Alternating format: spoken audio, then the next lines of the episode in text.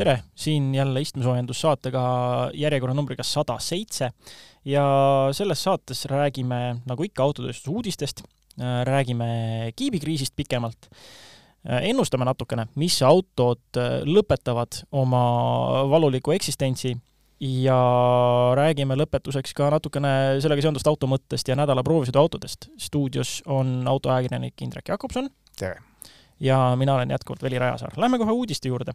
võtame siin esimesed uudised kohe sakslastest ette BMW-st ja Audist. BMW puhul siis on äh, niiviisi, et uuendat-, äh, uut viiendat seeriat, jah, uuendat just,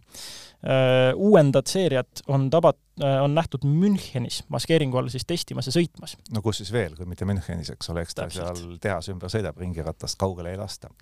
aga kui peale vaadata, siis hästi voolujooneline, hästi aerodünaamiline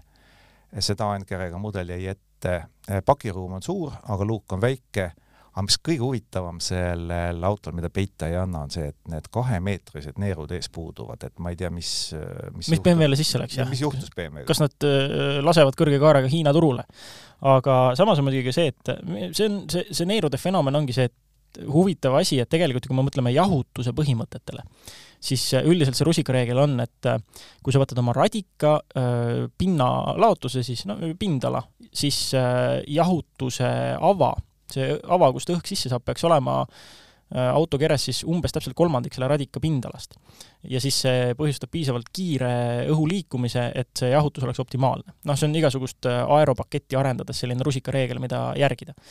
ja noh, kui nüüd vaadata neid neere ja asju, siis noh, muidugi osadel on ka seal alad taga ära blokeeritud ja kõik, aga samas jällegi on neti peal liikvel palju osalt nagu naljapilte, osalt traagilisi pilte sellest, kui palju erinevaid jahutusradikaid, väikseid ja suuri, on nüüd uutel BMW ja üldse Saksa mootoritel. et sellisel juhul jällegi nagu tekib tunne, et need kahemeetrised neerud on võib-olla ka päriselt nagu praktilistel põhjustel äh, ikkagi äh, sinna pandud, kui sul on reaalselt mootoris seitse-kaheksa radikat. no ilmselt tuleb ka samal ajal meeles pidada, kui jahutuse põhimõtetest juba jutt läks, et äh, enam tänapäeva autodel ju teatavasti kapoti pealt see jahutusavasid ei leia.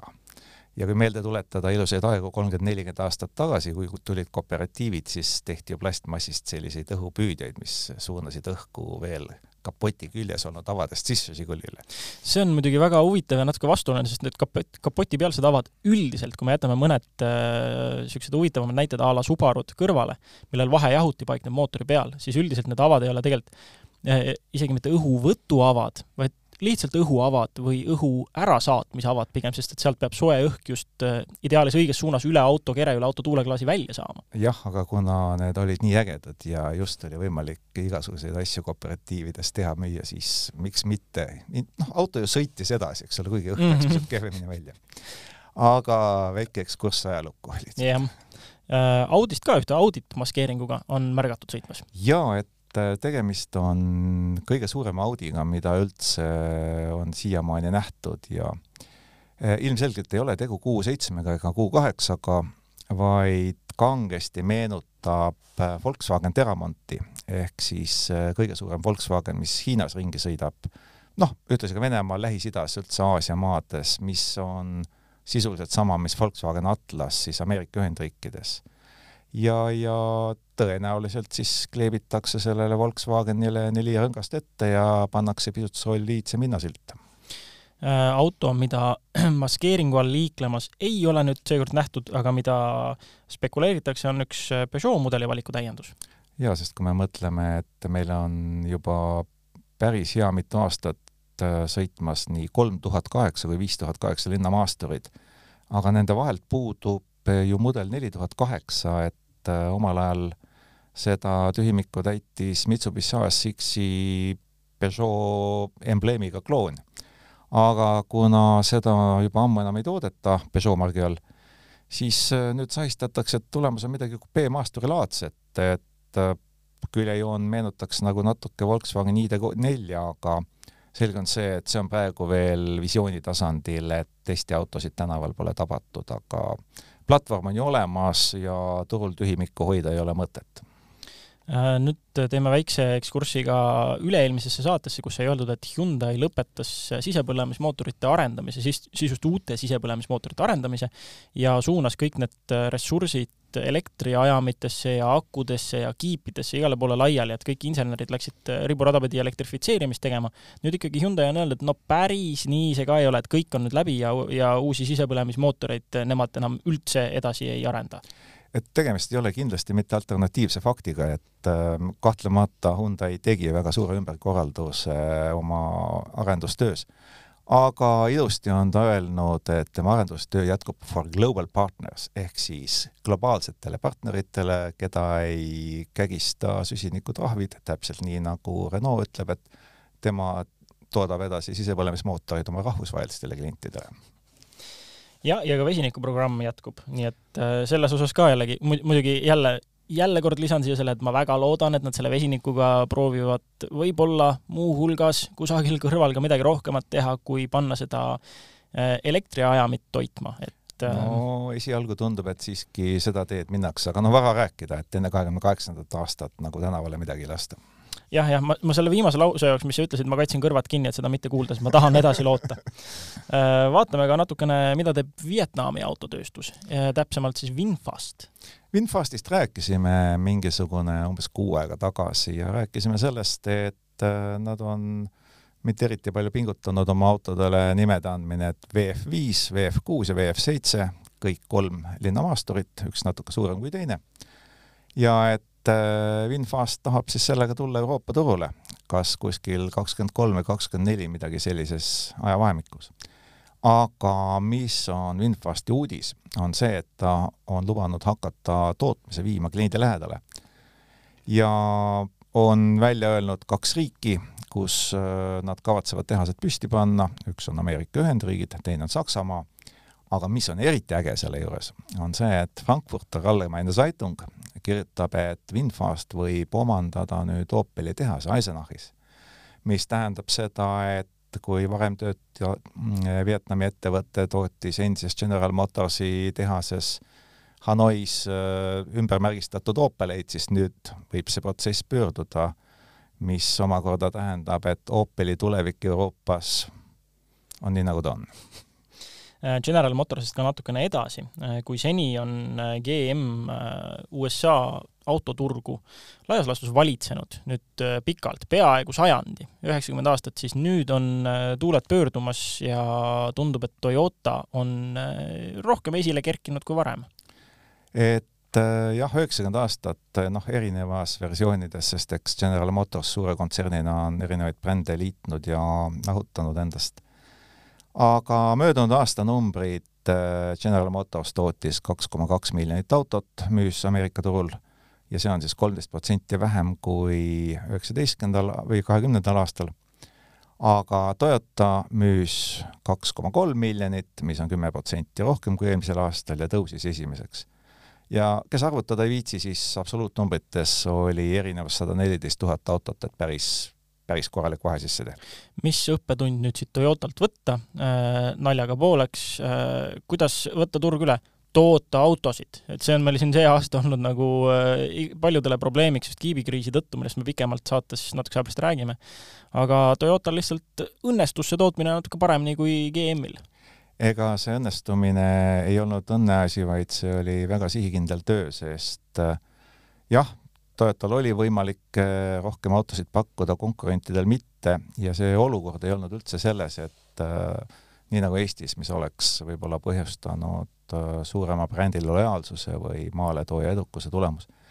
vaid Toyota loobus lihtsalt just-in-time põhimõtetest aastal kaks tuhat üksteist pärast Fukushimat. Ja nad on kõik see kümme aastat omanud väga korralikku tagavara kõikvõimalikest detailidest, mida on auto tootmiseks vajalik ehk et äh, just-in-time printsiipi, kus kõik äh, detailid on konveieri ääres täpselt siis, kui vaja ja laovarud on viidud nulli lähedale, siis Toyota, kes oli üks selle printsiibi esimesi edukaid rakendajaid, on ka esimene, kes ütles, et tänapäeva maailmas see enam ei kehti, et me võime natukene auto hinnale juurde panna, aga me anname need autod alati kliendile kätte siis, kui klient seda tahab. ja nagu me näeme, on see taktika edu toonud nüüd lisan siia vahele ka ühe Sangyongi uudise. Äh, nimelt on teada see summa, esmaspäeval avalikustas siis Sangyong, et nad on müüdud ametlikult ja avalikustati summa. mis sa arvad, mis äh, suurusjärk see umbes olla võiks sellise no ikkagi tegelikult ju kuulsa ja, ja suure ja riigi uhke autotootja eest? no arvestades seda, et tegemist on ju pankrotivaraga, ma arvan, et ju ta pankrotis oli või vähemalt serva peal, siis noh, kuuskümmend miljonit päris äh, optimistlik pakkumine, aga te, kõik see mõttekäik väga õige, nad jah, nende tootmine oli kehvake, eelmisel aastal tehti kaheksakümmend neli tuhat autot, äh, kahjumit oli peaaegu kakssada miljonit eurot ja põhimõtteliselt selle kahjumi summa eest, pluss natuke rohkem nad ka müüdi, et kakssada kakskümmend viis miljonit eurot ja nad läksid siis Edison Motorsile, kes on siis Lõuna-Korea elektrisõidukite tootja et äh, noh, muidugi siin äh, Indrek selle äh, infokillu, et need müüakse, käis välja juba mitmeid-mitmeid saateid tagasi. jah, aga nüüd on siis numbrid teada. vahelduseks lähme kusagile, kus me autosaate raames palju ei käi ja see on veganite pärusmaa. üks nimekiri on kokku pandud veganisõbralikest autodest siis teisisõnu jah, et võeti praktiliselt kõik tootjad, kes Euroopas on esindatud vähemalt ühe autoga, mis võiks olla keskkonnasõbralik, nii et talle võiks vegan sildi juurde panna ja esimesed äh, kakskümmend neli ritta, ei hakka saladust tegema, võitis Ford ja kahekümne neljas ehk siis viimane ülesloetu oli Porsche. Äh, see on äh, muidugi, tekitab kohe küsimusi, et mis olid kriteeriumid, kas need on siis auto, noh, vaadatakse mudelite hulka, et Porsche'l oli siis Taycan, see nii-öelda vegan auto, äh, Fordil aga tervenisti kakskümmend kaheksa mudeli valikut ja versiooni, et äh, tekib küsimus, et kas need peaks olema nagu kõik autod, milles pole kasutatud loomseid produkte, mis tundub võimatu, või need on kõik autod, milles eksisteerib mingisugune veganitele, mingisugune loomavaba toode? see teine variant, ehk et hästi kavalalt Ford äh, ilmselt suutis sinna küsimustikule esitada kõik oma mudelid, modifikatsioonid ja tõenäoliselt äh, iga mootor ka eraldi. paneme, paneme käigukangi või käiguvalitsa otsa mingisuguse sünteetilisest nahast või loodussõbralikust nahast äh, täiendtriibukese, kasutame seda kõigis mudelites, sest noh, odav on ju kasutada sama käigukangi nupukest. Ja no vot, siis olemegi Dick Loveti edetabeli tipus jah, et täitsa tore edetabel, Ford esimene, Honda teine, Nissan kolmas, Mart neljas ja, ja Volkswagen kahekümne esimene, Fiat kahekümne teine, Mini kahekümne kolmas. Ehk siis viimasel kolmel ainult üks vegan auto kogu nimistust, noh, ju siis äh, nad arvasid, et ülejäänud on veel piisavalt konservatiivsed aga tuleme välismaalt ka kodumaale ja sel korral on nädala numbreid välja öelda lausa kaks tükki, need on neliteist koma üks ja kaksteist koma kaheksa, mis need on? Need on mootoribensiin ja diiselkütus. Ja arusaadavalt, mida need, ei, hinnad nii väikesed ei ole, ärge lootke. täna sõitsin Sõia äh, stuudiosse salvestamisele, vaatasin posti peal, vaatas vastu kuusteist ja pool eurot. üks koma kuuskümmend, vabandust, kuusteist ei ole no kunagi sul tuleb, ega need hinnaks nagu hinnad paremaks ilmselgelt minna ei, ei ja. saa väga, väga märkimisväärselt enam. neliteist koma üks on siis see protsent, mis äh, võrra kahekümne esimesel aastal mootoribensiin kallines ja diiselkütus kallines kaksteist koma kaheksa protsenti aga jah, et ärge muretsege, nii see ei jää, et hinnad tõusevad edasi ja, ja kui kedagi huvitab, siis äh, autod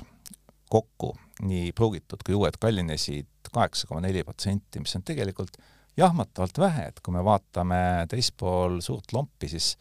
seal on äh, numbrid ikka kõik kahekohalised autohinnadele juures.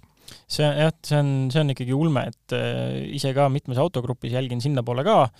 ja seal tõesti noh, on täiesti aktuaalne, et äh, mingid masinad ongi, hind on topelt et kui me räägime just mingitest kasutatud ja ägedamatest autodest näiteks, siis noh, ega ma ei saa nagu samas äh, öelda, et ma selles mõttes väga löödud oleks, et see, see, seesama asi on juhtunud ka minu autodega laias laastus, et äh, hind on lihtsalt üles hüpanud, et noh, kurta nagu ka otseselt ei saa. aga see ei ole nüüd otseselt autouudis või noh, puudutab tegelikult ähm, noh, paari tuhandet autot Eestis, et mis on eestlaste rahvusspordiala viimasel ajal? No eks see on kurtmine, kuidas ikka valitsus on paha ja kõik äh, läheb Kallase taskusse, nüüd seekord teise Kallase taskusse. aga mis asi läheb sinna, miks läheb? no vot, see ongi see, mis tegelikult nagu selgusetuks jääb, et miks kõik nagu muudkui süüdistavad, mida, samas nagu see, see on üks asi, mille puhul ma nagu vaatan jälle, et inimesed on teinud ähm, noh, ilmselt me räägime elektri hinnast, on ju, et inimesed, inimesed on teinud äh, mingid otsused lootnud börsil nii-öelda mängida ja niikaua, kuni nad võidavad, on kõik hästi, aga siis, kui kaotama hakatakse, siis on kõik teised süüdi oma tehtud valikutes, et jälle nagu niisugune asi, mis väga kahetisi tundeid tekitab. jah, et äh, see enamiku autoomanike tanklas ei puuduta, igapäevaselt puudutab küll, et elektri hind tõusis siis möödunud aastal nelikümmend neli ja pool protsenti, et pole paha. jah, veel üks nädala arvuks numbriks juurde äh,. arvude teemal ka jätkame, teada on eelmise aasta automüük Eestis ja ega seal tegelikult suuri üllatajaid ei ole, et kui me vaatame esikolmikut, siis kolmandal on Volkswagen, teisel on Škoda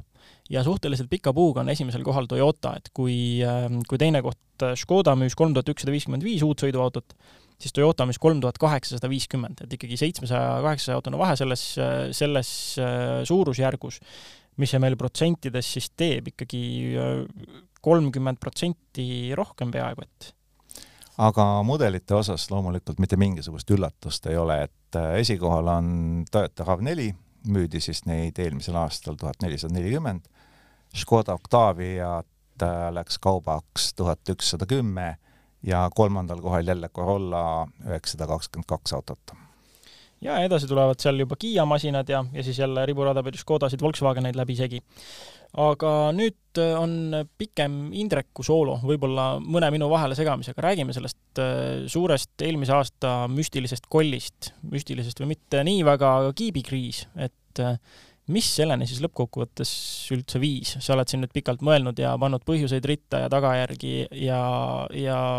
loodetavasti teed meid kõiki natuke targemaks. no ma alustan kolmest numbrist, et äh, see kiibikriis, millest on nüüd räägitud hästi palju, see läks äh, eelmisel aastal kogu maailma autotööstusele maksma kakssada kümme miljardit dollarit. ehk äh, hinnanguliselt jäi üksteist koma kolm miljonit autot tootmata, et tehti kogu maailma peale kokku, no täpsed numbrid ei ole veel koos, aga see suurusjärk on kaheksakümmend miljonit, nii et iga kuskil seitsmes auto jäi tegemata, sellepärast et kiipi ei olnud. ja ega käesoleval aastal ei oodata eriti palju paranemist, et tõenäoliselt jääb kuskil seitse miljonit autot tootmata ja arvatakse, et äh, tunamullune tase saavutatakse vast kahekümne viiendal aastal, mitte enne. aga mis siis juhtus? Juhtus ju tegelikult see, et äh, kui koroonaviirus läks äh, laiemalt levima, siis märtsis kaks tuhat kakskümmend, sealt on siis varsti saab kaks aastat, äh, kogu turg kukkus kokku, kogu maailm arvas, et nüüd on kõik. ja samal ajal ei arvatud seda, et suvel kaks tuhat kakskümmend, ehk siis läks mööda umbes kvartal kaks, hakkas turg väga kiiresti taastuma. aga kiipe ei olnud enam võtta. ja miks ei olnud võtta? Probleem on lihtne, autotööstus tarbib äh, maailma kiibitoodangust kuskil ümmarguselt viis protsenti, see on päris väike osa. ja teine probleem on see, et need on reeglina lüht-, lihtsamad, vanemad ja osavamad sellised paarieurosed kiibid, mis tähendab ka sellest, et ega kiibitootja teenib sealt pealt ka kasumit vähe. et äh, neid kutsutakse inglise keeles lausa legacy chips, sellised pärand, ajaloolised kiibid aga tuleb arvestada, et eh, kogu maksumus autos või elektroonika, mitte ainult kiibid, vaid kõik elektrilised asjad kokku võib olla peaaegu nelikümmend protsenti ja see on päris suur number. ja mis siis äh, geograafiliselt toimub, ega maailmas toodavad kiipe kolm suurt riiki, Taiwan, Hiina ja Lõuna-Korea noh, Ameerika Ühendriigid näiteks äh, olid üheksakümnendal aastal ehk siis kolmkümmend aastat tagasi veel kolmkümmend seitse protsenti, nüüd nad teevad ainult kaksteist, et kogu see fookus on läinud ära äh, Aasiasse ja, ja noh, kõige suurem tootja on Taiwanis ja nende põhiline klient ei ole kaugeltki mitte Toyota ega mõni Hiina tootja, vaid hoopis Apple. mis näitab väga selgelt, et kus on kiibi valmistajate prioriteedid ja kust kasum teenitakse ja omakorda siis nendele kiibitootjatele teevad äh, allhanget äh, madalama elatustasemega Kagu-Aasia riigid Indoneesia, Malaisia ja Vietnam ja nendel riikidel üks iseärasus, mis eelmisel aastal väga valusalt välja lõi, aga ka see aasta on see, et vaktsineeritus on sealkandis madal, mis tähendab omakorda suuri piiranguid ja takistusi töös. Kusjuures selle osas mõned tootjad on üritanud leevendusi teha ja erandid, autotootjad ise nüüd, kui see kriis tekkis ju siis eelmisel aastal äh, näiteks äh, saadi sellised kokkulepped, et äh, kiipide tarnimise ja impordi-ekspordi ja kõik, kõik põhimõtteliselt inimesed, kes tegelevad sellega äh,, neile siis kehtisid äh, väiksemad reisipiirangud. Et äh, sellist lahendust vahepeal kasutati, aga nende lahendusteni vist, mida keegi on teinud, et äh, kiibikriisi leevendada, me hetke pärast jõuame. Jah, et ega neid lahendusi tegelikult ju palju ei ole, sest kui asi on defitsiidis ja maksta ei taha, siis on suhteliselt keeruline selles olukorras hästi välja tulla. et äh, tagant pihta hakates kõik autotootjad on arvanud, et parim meetod on kiibitootjate ärakodustamiseks. ja sõlmida nendega igasuguseid personaalseid lepinguid, olgu need kui kahjulikud tahes. Aga ega kiibitootjad ei taha hästi järele anda, sest nad on selgelt jõupositsioonil ja need läbirääkimised käivad nüüd hoopis teistmoodi kui kolm või viis aastat tagasi. aga mida nad hädas autotootjad siis veel pusivad, noh, üks asi on see, et äh, poolvalmis autod veeretatakse lihtsalt platsile, kiipe ootama tuleb, pannakse külge, viiakse kliendile, senikaua seisab, ootab, noh parema kliimaga kohas, väga ei roosteta ka, nii et saab hakkama. Teine asi, mida tehakse, on, et igasuguste lisavidinate ja lisavarustuse vähendamine, mis, mis tegelikult, sellest me oleme ka varem rääkinud, on tegelikult hea trend, sest sa saad seda, mida sul on vaja ja sa ei saa seda, mida sa väga ei taha. Et selles mõttes nii palju, kui kliendil on võimalik seda protsessi suunata, on see kahtlemata hea no mis on äh, kolmas asi, selge see, et uudismudeleid, mida uuem auto, seda peenem, seda rohkem elektroonikat sees, selle väljatoomisega on hakatud viivitama. noh, see, et Rivianid äh, hilinesid või et Cybertrucki me niipea ei näe, seda me teame. aga võtame näiteks meie ka kodumail ühe korra näidatud Nissan Aria, mis pidi tulema alguses veebruaris, nüüd Nissan ütleb, et juuni no vaatame, kas jaanipäevaks äh, saame esimese proovisõidu teha või mitte, ma olen pigem skeptiline kui optimistlik, aga no võib-olla esimesed nagu saab. aga jah, igasuguste uudismudelite väljatoomisega järjest ja järjest viivitatakse. ja viimane asi, mida autotootjad saavad sellises olukorras teha, on kahtlemata oma edasimüüjate laovarude vähendamine. et äh, Fordi näitel Ameerika diilerite juures äh, oli neil eelmisel aastal laiali umbes üks miljon autot. kui üks miljon tundub suur number, siis äh, meenutame, et aasta tagasi oli see number kaks koma kaheksa miljonit ja, ja veel aasta tagasi oli kolm ja pool miljonit.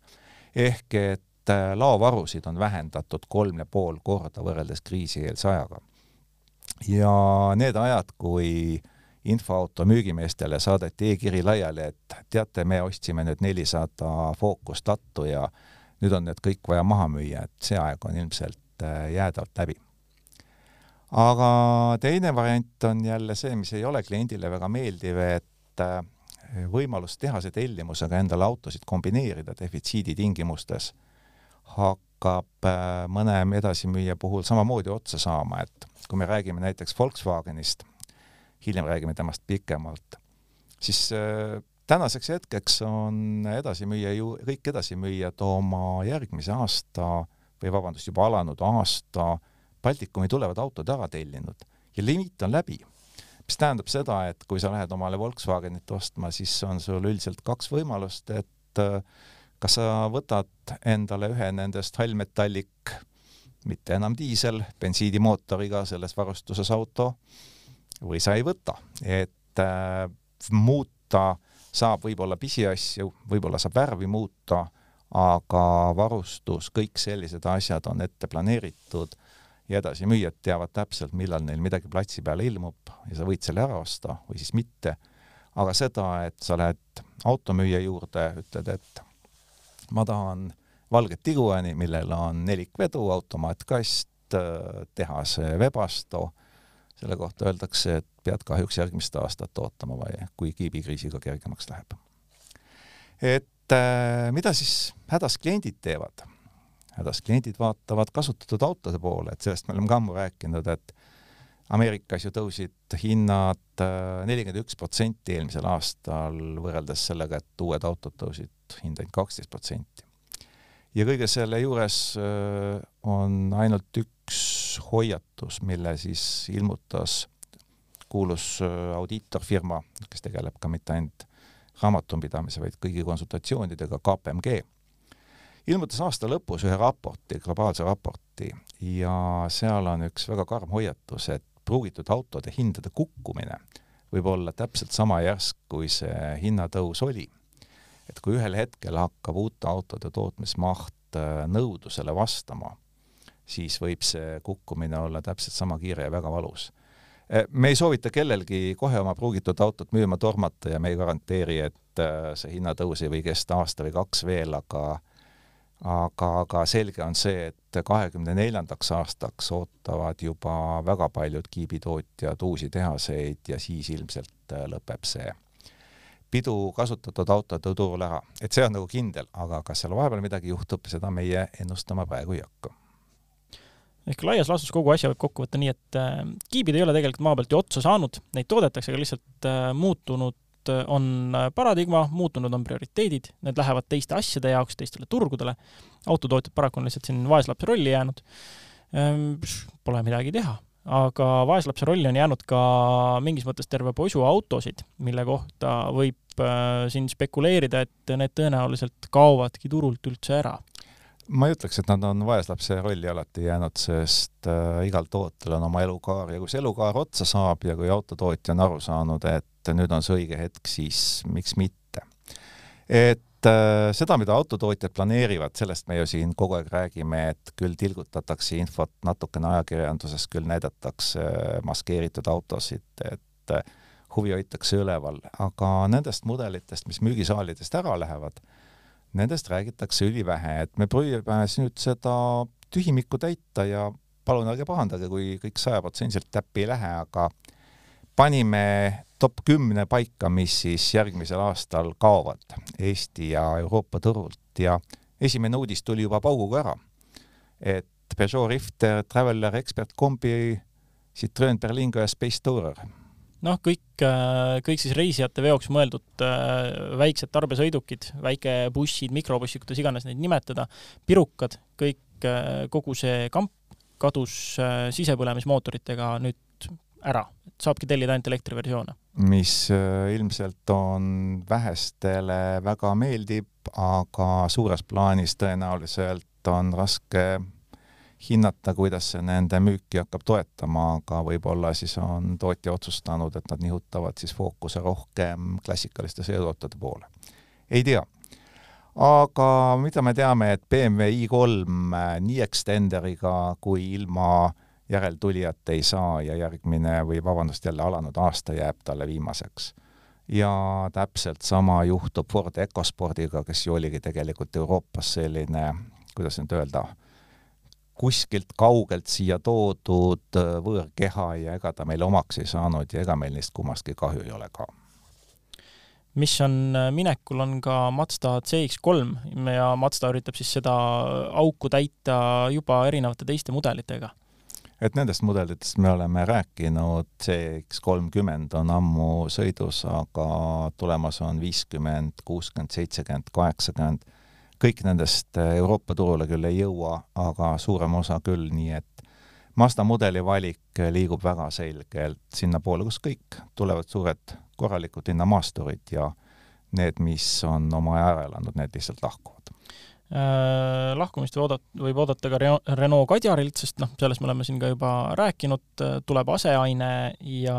seda on ka siin õrritatud siin-seal, nimi on avalikustatud, Austral, äh, just täna mulle, mulle meenub, mul tuli Australit puudutav mingisugune pressiteade postkasti, mida ma ei jõudnud veel lahti teha, et äh, mina jõudsin. nii. pressiteade rääkis sellest, et Renault tegeleb peenhäälestamisega ja viimased testisõidud on käima läinud, nii et et Austral on ilmselt graafikus. ja Austral ei asenda üksnes Kadžarit, vaid Austral asendab ka Renault Coleost, keda samamoodi järgmine aasta, vabandust, jälle sel aastal, kogu aeg tunne on, nagu oleks see aasta alganud, et äh, neid kahte autot me enam aasta lõpus müügisaalist ei leia. üks päris jõuline ennustus on sul siin ka, et Renault Megane aga miks mitte, sellepärast et kuigi sellest ei ole Renault ei ametlikku ega mitteametlikku uudist teinud, aga kui me arvestame, et tänavu aasta tuleb uus täpselt sama nimega auto, Renault Megane E-Tech, hinnad on väljas, siis äh, arvata, et Renault hoiab üleval täiesti teistsugust autot täpselt sama nime all, ei ole lihtsalt usutav, et ilmselt ikkagi Renault Megane, tähendab, nimi säilib, aga selle asemel tuleb hoopis teine hoopis teistsuguse põhimõttega teisel platvormil elektriauto. Äh, Mitsubishi Eclipse ja Mustang Mach-E, vaatan teie poole.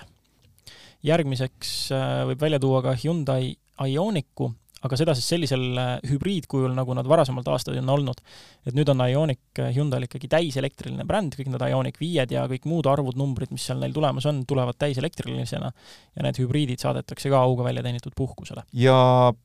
hoopis vähetoodetud auto tükki, tuhat viissada seda valmistati, oli hübriid ja maksis sada viiskümmend tuhat, äh, mitte vähe, Polestar üks on siis esimene Polestar, mis ka oma teekonna lõpule jõuab. Ja järgmised Polestarid on ainult täiselektrilised. Ja lõpetuseks siis ka Kiia Stinger, mis äh, no sellest, äh, sellest sai juba räägitud, et talle järglast ei tulegi, vähemasti mitte niiviisi, nagu, äh, nagu Stinger seda tegi, et ta sai oma esimese versiooni, ta sai oma näovärskenduse ja sellega see asi ka lõppes, et maine auto tehti ära. et see oli meil ka vist kaks-kolm saadet tagasi sellest juttu. jah, me pidasime talle päris ilusa matusekõne, nii et Stinger saab auga ära saadetud. nüüd on aga aeg äh, auto uudiste ja ennustuste ja spekulatsioonide juurest äh, liikuda hoopis nädala proovisõiduauto juurde, mida tegelikult oli kaks tükki. ja kui äh, väga täpne olla, siis isegi rohkem, sest et Indrek tegi väga põhjalikult äh, võrdlustesti nii Volkswagen ID4 kui äh, Škoda Enyaq'iga ja proovis läbi ka eri versioone. ta ongi siis sama platvorm, sõsarautod justkui, aga samas on ka nagu erisusi ikkagi päris palju nüüd kogu selle võrdlustesti eesmärk oli lõpuks ikkagi tuvastada, et millisele inimele, inimesele sobib paremini üks neist kahest aga alustame hoopis sellest, et kui sa peaksid mõlemale autole omistama mingit sorti iseloomu, kirjeldama nende karakterit, siis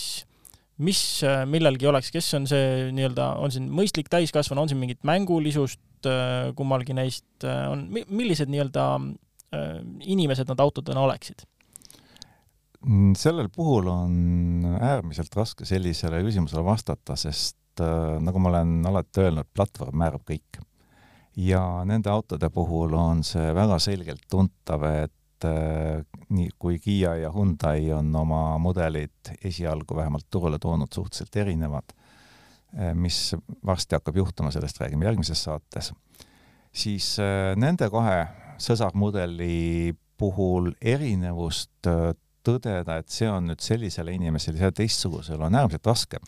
Nad on mõlemad praktilisele inimesele Nad on mõlemad äh, küllaltki mõistlikud, seda muidugi elektriautode mõistes, mitte sisepõlemismootoriga autode mõistes. Nad on ruumikad, mis tähendab seda, et nad katavad ära igal juhul keskmise perekonna vajadused, nii et äh, tuua seal välja, mille poolest üks teisest erineb, siin äh, asi läheb ainult detailidesse ja detailid ongi need, mis ühe või teise inimese jaoks olulised on. mis on need põhilised detailid, mis sa endale nüüd maha märkinud oled siis? no see, mida mina maha märgin, see ei pruugi olla teistele oluline, aga mis on kindlasti kõigile oluline, on äh, kõigepealt ruumikus. et äh, Škoda on selgelt suurem. ta on suurem välismõõtudelt ja ta on suurem ka oma pagasiruumi poolest teine asi, mis võib äh, vägagi palju mõjutada sellist subjektiivset kasutusmugavust, on see, et kui juhiistet annab neil mõlemal ühtmoodi sättida, siis äh, tagaiste on täiesti teistsugune. ja miks on see tehtud erineva kaldenurga all, seda me ei tea, aga isteasend on seal teistsugune, ühel on ühtemoodi, teisel teistmoodi, seda ei saa muud moodi kui ainult sisse istudes ja proovides, öeldes, et kumb sulle meeldib. ja mis on äh, näiteks minu jaoks oleks kõige olulisem argument, on subjektiivne tunnetus, kuidas Škoda on vaiksem. ametlikud andmed müra kohta, see, mis kantakse tehnilisse andmestikku, on täpselt üks ja sama. Aga Škoda on igast asendist igas versioonis vaiksem kui ID4 ja miks, seda põhjendada kuidagi ei olnud võimalik äh, teine asi näiteks, mis mul pähe tuli, ma, kui ma meenutan lihtsalt oma proovisõite, igasugused digitaalsused versus äh, päris nuppude olemasolu, kas üks on siin teisest parem? ja loomulikult, et äh, siin äh, Škoda on säilitanud natukene nuppe, Volkswagenil on asi täitsa ikaldus. ehk et seal on valida halva ja väga halva vahel, seal paraku keskekraan on üsna selline digitaalne, kus noh, Volkswagenil tuleb isegi temperatuuri äh, liugekraanil reguleerida, mis teeb selle asja ikka väga ebamugavaks. mis mulle meenub kusjuures oma proovisõidust, on see, et ma vist käisin, ma ei mäleta, kas see oli nüüd ID4 või ID3, aga ma tean, et mõlemal on sama lahendus, aga ma käisin kusagil mingis drive-in'is, kus oli vaja eest aken lahti teha